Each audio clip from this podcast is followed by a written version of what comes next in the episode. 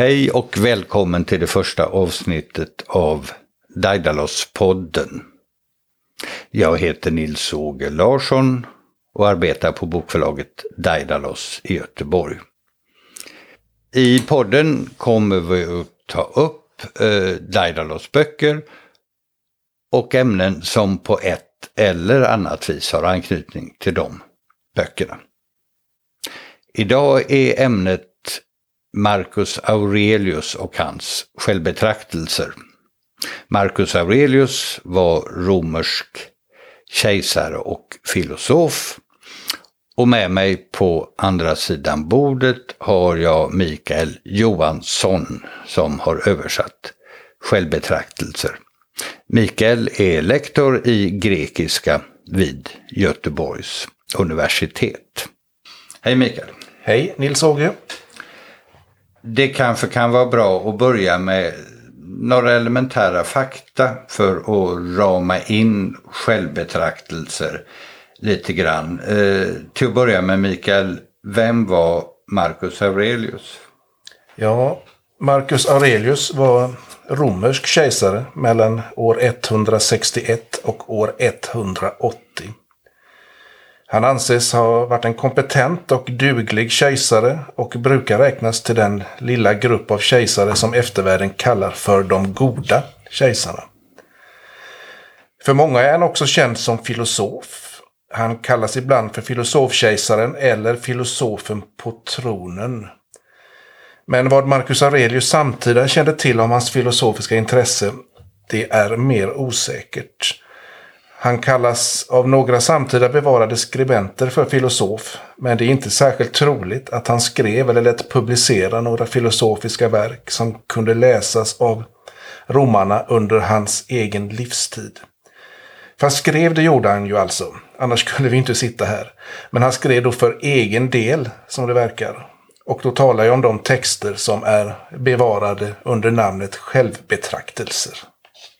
Eh, vad för sorts filosof var han? Eller alltså han brukar ju räknas till den stoiska skolan, eller hur? Ja, det är helt klart så att han tillhör den eh, skola som kallas stoicismen. Eh, som var en av de stora skolorna under romersk kejsartid. Eh, stoicismen är egentligen en äldre grekisk filosofi. Och det är kanske därför som självbetraktelser är författade på grekiska. Eh, Okej, okay, så Marcus Aurelius fick alltså aldrig läsa självbetraktelserna. Eh, vad är det för sorts bok? Hur skulle du beskriva den? Alltså, boken består av en samling textsnuttar där Marcus Aurelius uppmanar sig själv att helt enkelt skärpa till sig och sluta att klaga. Eh, det verkar ha varit så att Marcus Aurelius kände ett behov av att reflektera över sitt förhållande till ja, både till sina medmänniskor och till allt som sker i universum. Han behövde helt enkelt öva sig i konsten att acceptera allt jobbigt och eländigt som man utsätts för under sitt liv. Och det är ju lite grann det som stoicismen går ut på förresten. De här olika självuppmaningarna tycks då ha skrivits ned vid olika tillfällen och efter behov som, ja, som en slags terapeutiska dagboksanteckningar. Eh, de är författade relativt sent i Marcus Aurelius liv. Han påpekar gång på gång att han är en gammal man och att han snart har levt klart sitt liv. Eh, är det han själv som har satt ihop dem eh, i den ordning vi har dem? Vet man det? Vet man något om, om Väl, väldigt lite skulle jag säga. Alltså de här olika textsnuttarna har någon gång under historiens lopp sammanfogats av någon. Vi vet inte av vem. Eh, men redan för över tusen år sedan såg verkets struktur i princip ut som det gör idag. Alltså då hade de här korta styckena satt samman i tolv större enheter, alltså böcker eller kapitel. Och de här böckerna då innehöll ett varierande antal kortare stycken. Eh, och de här styckena finns, eh, ja, det finns ingen ordnad struktur emellan dem, utan boken består av lösryckta uppmaningar riktade till författaren själv. Med ett undantag då, och det gäller bok 1. som är en uppräkning av personer som har varit viktiga i Marcus Aurelius liv. Eh, och i den här bok 1 så går, går han igenom allt han har lärt sig och fått sig tilldelat på olika sätt av de här människorna. Och av gudarna ska tilläggas. Ja, boken skiljer sig ju ändå rätt påtagligt skulle jag säga från, från eh, de elva övriga. Det är ju lite grann som en sorts CV nästan, eller som, alltså den har ju en mer genomarbetad karaktär på något vis den boken. Den hänger ihop på ett annat sätt. Eh, vet man något om varför Marcus Aurelius skrev de här texterna? Det kan vi ju egentligen inte vara helt säkra på eh, eh, varför han skrev det. Han, eh, han säger ju ingenting själv om detta i texten. Men, men det verkar ha funnits en syn på filosofi som en terapeutisk praktik inom den stoiska skolan. Eh, och ett sätt för att orka med allt jobbigt i livet kan då ha varit att skriva ner sånt som man råkat ut för under dagen för att så att säga kunna bearbeta det hela. Eh, ett problem med just självbetraktelser är att Marcus Aurelius sällan talar om exakt vad det är han har råkat ut för, utan bara ger svaret på frågan om hur man bör förhålla sig när man har utsatts för någonting. Alltså ungefär, han kan säga, idag har jag råkat ut för detta, och då måste jag nu vara klok och ta mig an detta genom att analysera det noggrant. Men man önskar då att han hade kunnat skriva typ idag har jag blivit utskälld av min hustru eller något liknande. Men så konkret är Marcus Aurelius sällan. Och eh, varför skulle han egentligen ha varit det? Han skrev ju för, för sig själv och inte för en, en läsare år 2021. Ja, nej men det är ju någonting som som man ofta kan tänka på när man läser de här texterna, alltså att de inte är riktade till oss. Eh, att Marcus Aurelius är en viss bemärkelse är bortvänd från, från uh, läsaren. Uh, Okej, okay, vilka genomgående teman skulle du säga finns i självbetraktelser? Eller, ja, kan du berätta lite om, om bokens tematiska innehåll? Ja, det finns en hel del återkommande teman och som återkommer och upprepas boken igenom. Eh, och vissa av de här återkommer Marcus Aurelius till ganska ofta. Ett tema handlar om acceptans. Om att acceptera allt som händer i universum. Eh, som stoiker så utgår man ifrån att allt som händer är förutbestämt. Eh, och det är inte mycket man kan göra någonting åt. Eh, och av detta följer då att det är lika bra att acceptera och till och med lära sig att uppskatta allt som sker. Att kämpa emot är naturligtvis fullt möjligt att göra men eh, eftersom det ändå blir som försynen vill, alltså som eh, allt går så som planerat och som det är förutbestämt så finns det egentligen ingen orsak att kämpa emot. Så acceptans, det är ett tema som återkommer. Ett annat tema som hänger ihop med acceptansen det berör respekten för och omsorgen om våra medmänniskor. För visst kan man ibland tycka att ens kollega är en jobbig en eller att ens granne är en slarvig och oborstad tölp. Men eftersom också de här människorna utgör del av det universum inom vilket allt är förutbestämt så måste man som stoiker acceptera också dem och deras brister. Så behandla alltså också påfrestande och irriterande medmänniskor väl. Allt blir lättare då. Eh, och att det finns sådana människor, det ingår på något sätt i den större planen. Eh, ja, när vi ändå pratar om, om den, det större sammanhanget, eller den större planen, alltså universums uppbyggnad är väl någonting som man också återkommer till, eller hur, i, i självbetraktelser? Ja, då. Stoikerna eh, och Marcus Aurelius då beskriver universum eh, som en enda evigt pågående förändringscykel. Eh, det ord man använder när man talar om universum är det grekiska kosmos. Eh, ibland talar man om tohollon som betyder helheten. Eh, inom den här universum så är alltså allt som vi ser, hus, träd, människor, vatten, vad det än är. Eh, allt sådant genomgår då hela tiden förändringar och förvandlingar. Allt löses upp, allt försvinner. Eh, tingens alla beståndsdelar återuppstår sen i form av någonting annat. Så denna eviga rundgång, eller vad man ska kalla det, detta kretslopp, nämligen att allt som existerar nu kommer att upphöra att existera och så småningom återkomma i form av något annat. Det är ytterligare ett tema i texten. Eh, kan du inte läsa upp något representativt stycke i boken, tänkte jag, så att vi får liksom höra hur det kan låta. Då tänker jag att vi tar första paragrafen ur bok två. Som då är ett stycke som behandlar den här acceptansen av medmänniskor som vi talade om nyss. Eh, för visst finns det då dåliga människor som man träffar på i sitt liv, men man får helt enkelt lära sig att acceptera att folk är som de är och att man som medmänniska ändå måste behandla dem med värdighet och respekt. Passagen låter så här. Säg till dig själv vid dagens början. Jag kommer att träffa beskäftiga, otacksamma, oförskämda, opålitliga, elaka och föga sociala människor. Allt detta har drabbat dem på grund av deras okunskap om gott och ont. Men jag, som har insett att det godas natur är något vackert och att det ondas natur är något dåligt, och att naturen hos den som syndar är besläktad med min egen. Den delar inte samma blod och säd, men samma intellekt och stycke av det gudomliga. Jag kan inte skadas av någon av dem, ty ingen kommer att smitta mig med något dåligt. Jag kan heller inte vredgas på min släkting eller hata honom. Vi är skapta för samverkan, såsom fötterna, händerna, ögonlocken och de undre och övre tandraderna. Att motarbeta varandra är därför emot naturen, och att vredgas och ta avstånd är att motarbeta. Ja, det är en kärnfull passage där, det får man ju säga.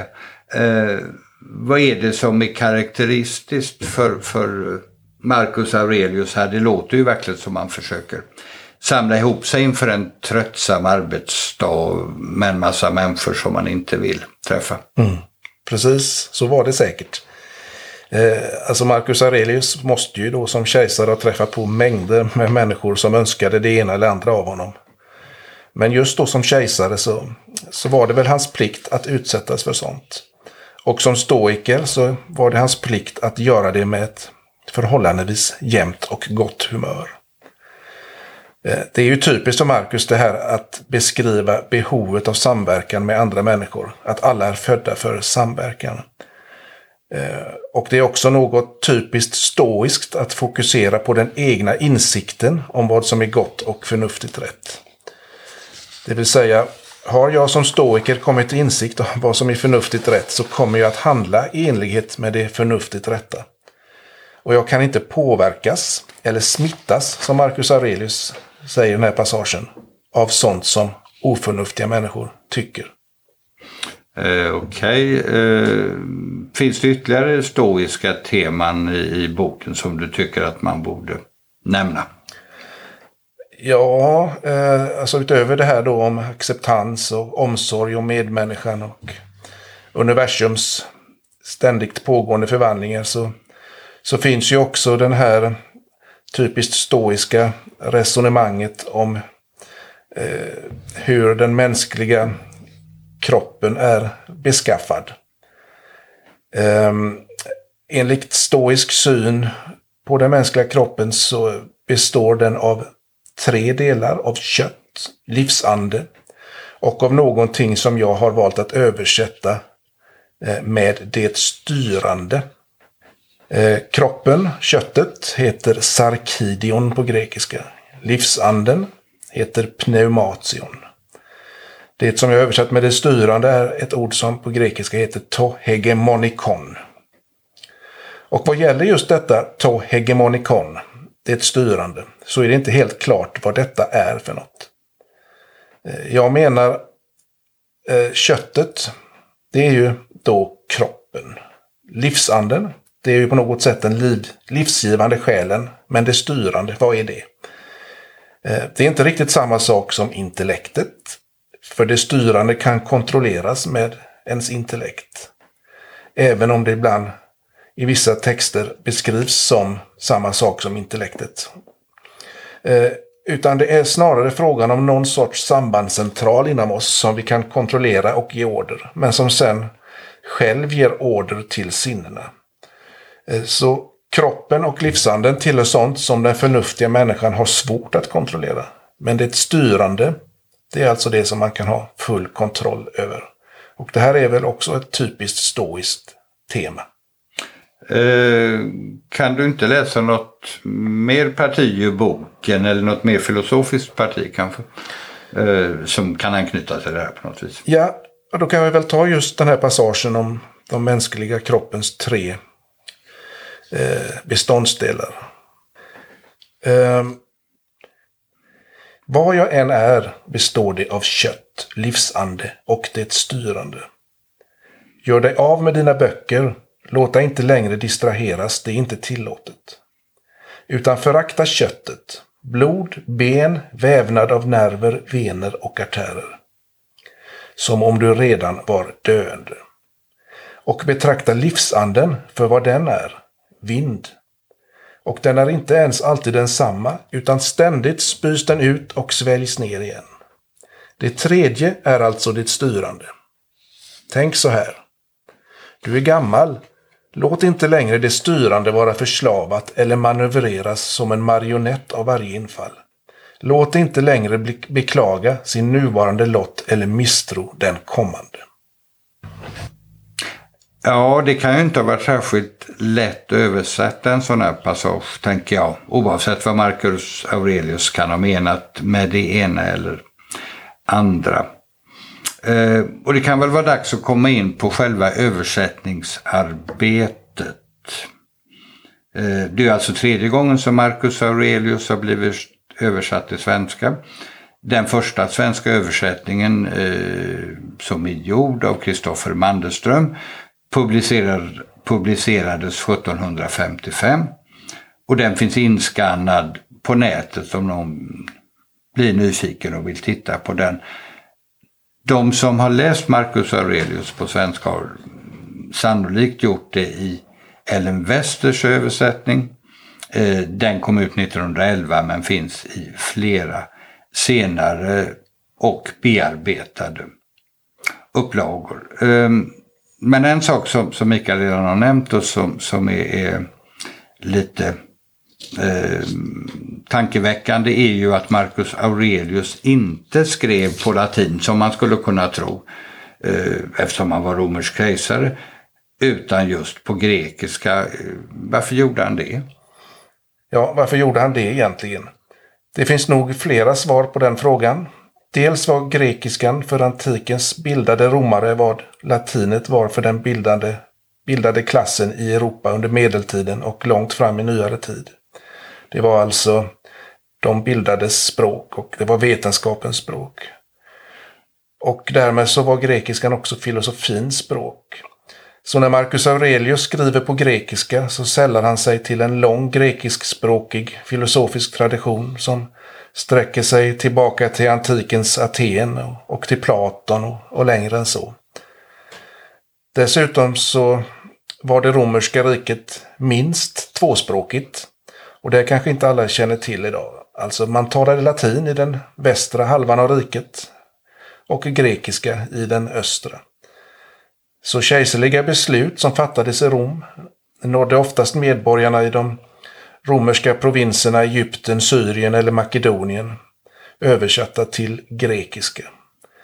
Och en bildad romare som den då hyperaristokratiske Marcus Aurelius behärskade naturligtvis grekiska lika bra som han behärskade latin. Eh, Mikael, i din forskning har du sysslat med eh, grekiska från ungefär samma Eh, tid som eh, Marcus Aurelius, lite senare, väl 300-talet om jag minns rätt. Eh, vad var den stora utmaningen med att översätta just Marcus Aurelius? Hur ser hans grekiska ut? Alltså problemet med grekiskan från romersk kejsartid är att den är så mångfacetterad. Det finns så många olika sorters grekiska. Dels har vi ju den som ofta kallas för koiné, alltså folkspråket, som är det språk som till exempel Nya Testamentet är skrivet på. Sen har vi andra sorters, olika sorters vetenskaplig grekisk prosa. Och så har vi den så kallade attisistiska grekiskan. Eh, den här attisistiska grekiskan är ett språk som är väldigt influerat av de klassiska stora grekiska författare som Platon och Demosthenes.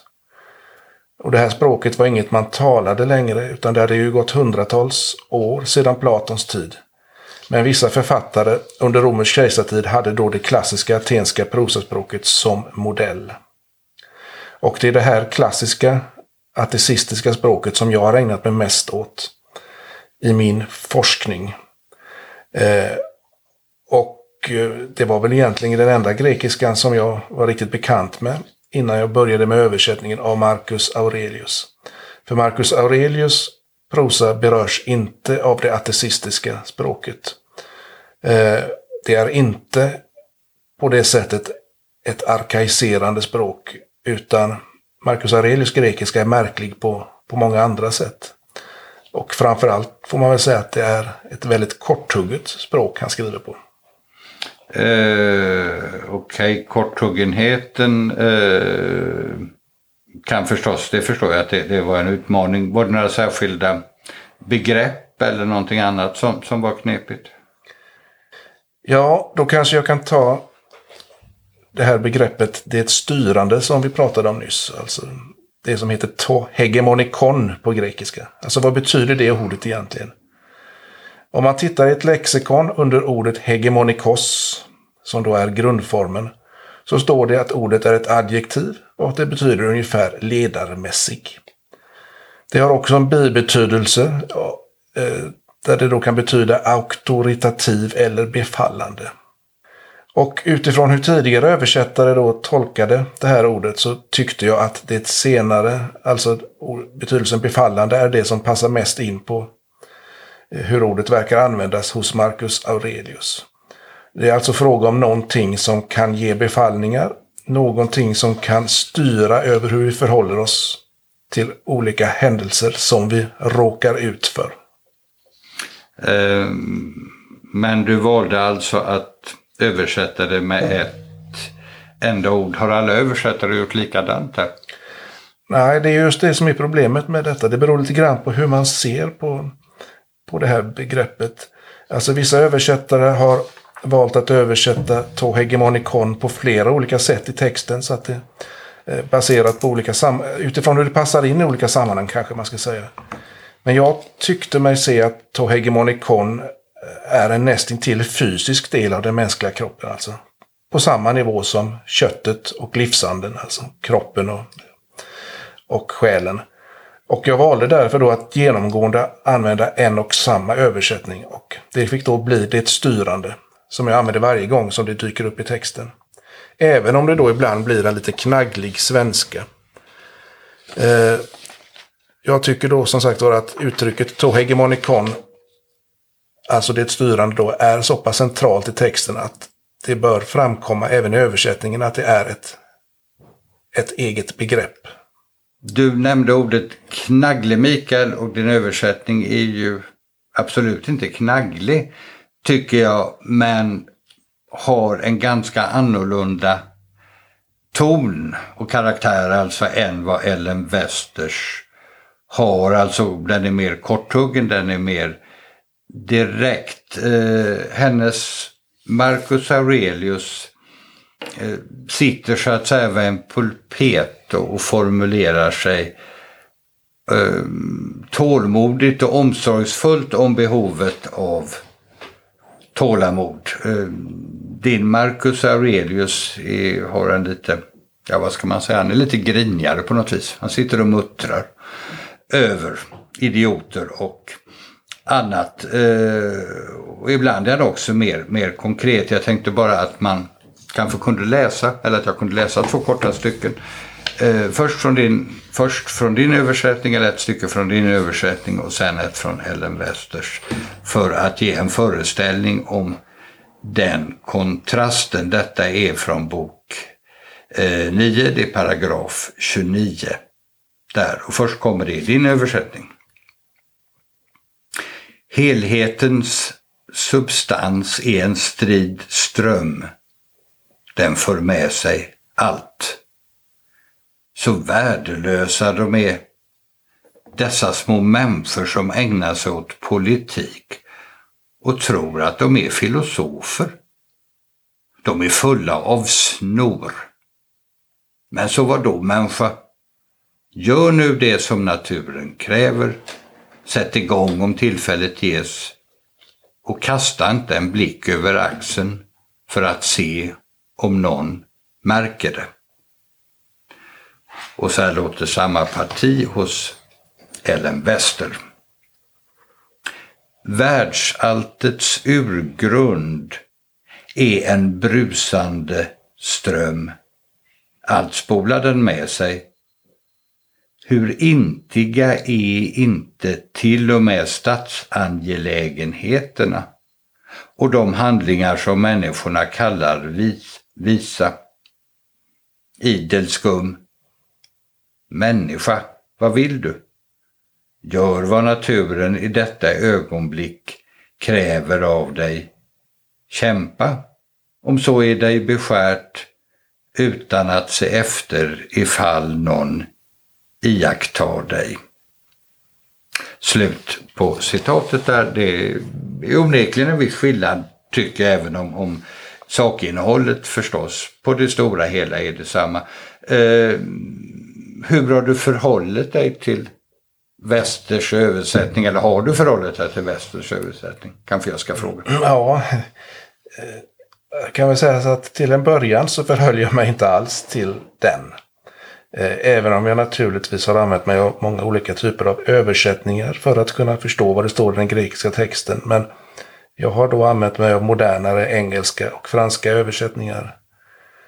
Eh, men det är klart att allt eftersom arbetet fortskred så blev jag mer nyfiken på Westers översättning. Och eh, började faktiskt snegla mer och mer på hur hon tog sig an vissa problematiska passager och sådär. Eh, och jag tycker väl egentligen att Westers översättning är ganska bra. Även om hon ibland parafraserar mer än hon översätter. Och så är det också det där om att hon ibland utelämnar Eh, vissa kortare fraser och passager. Och som du säger så får man väl så är väl Westers översättning stilistiskt mer uppsnofsad än min. Eh, den är definitivt mer läsartillvänd än originalets grekiska text. Vilket i och för sig även gäller min text då. Texten måste ju som sagt då bli läsbar. Eh, tycker du att din bild av Marcus Aurelius och, och verket har förändrats under översättningsarbetets gång? Du har hållit på ganska länge. Eh, jo då, alltså dels så eh, uppskattar jag väl synen på den egna personen i förhållande till det större sammanhanget. Alltså, det vill säga att man är inte så viktig som man ofta själv vill tro att man är. Och det här är väl intressant, framförallt idag, när så många verkar göra sitt yttersta för att säga mer eller mindre smarta saker i sociala fora och så vidare. Eller säga förresten, skrika är väl vad man gör. Man skriker ut sina uppfattningar om, eh, om allt och alla.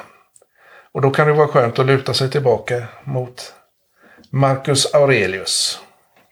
Um, jo, det kan det, det kan det väl vara, tycker jag också. Uh, har du något bra citat att avsluta det här samtalet med? Ja, då kan vi väl ta det här citatet då. då. Eh, eller oroar du dig över ditt goda rykte? Beakta hur snabbt allt glöms. Och se vilken oändlig och brådjup tid som sträcker sig före och efter dig. Och hur ditt eftermäle ekar av tomhet. Beakta föränderligheten och oförutsägbarheten hos dem som ger sken av att tala väl om dig och se hur trång den plats är till vilket ditt rykte är begränsat. Ja, det var väl en, en bra avrundning kanske att se hur trång den plats är. Mm, till vilket ditt rykte är begränsat. Ja, nej men eh, tack för att du kom till den här trånga platsen, Mikael.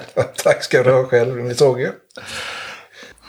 Ja, det var det vi hade att säga om Marcus Aurelius idag. Det är en, en rik och konstig bok så det finns säkert mycket mer att säga om den. Eh, nästa gång kommer podden att handla om kulturpolitik, ecklesiastik och ikonoklasmer. Eh, då har jag Mikael Lövgren med mig här i studion eh, och vi ska prata om hans bok Kulturstrider och statskonst.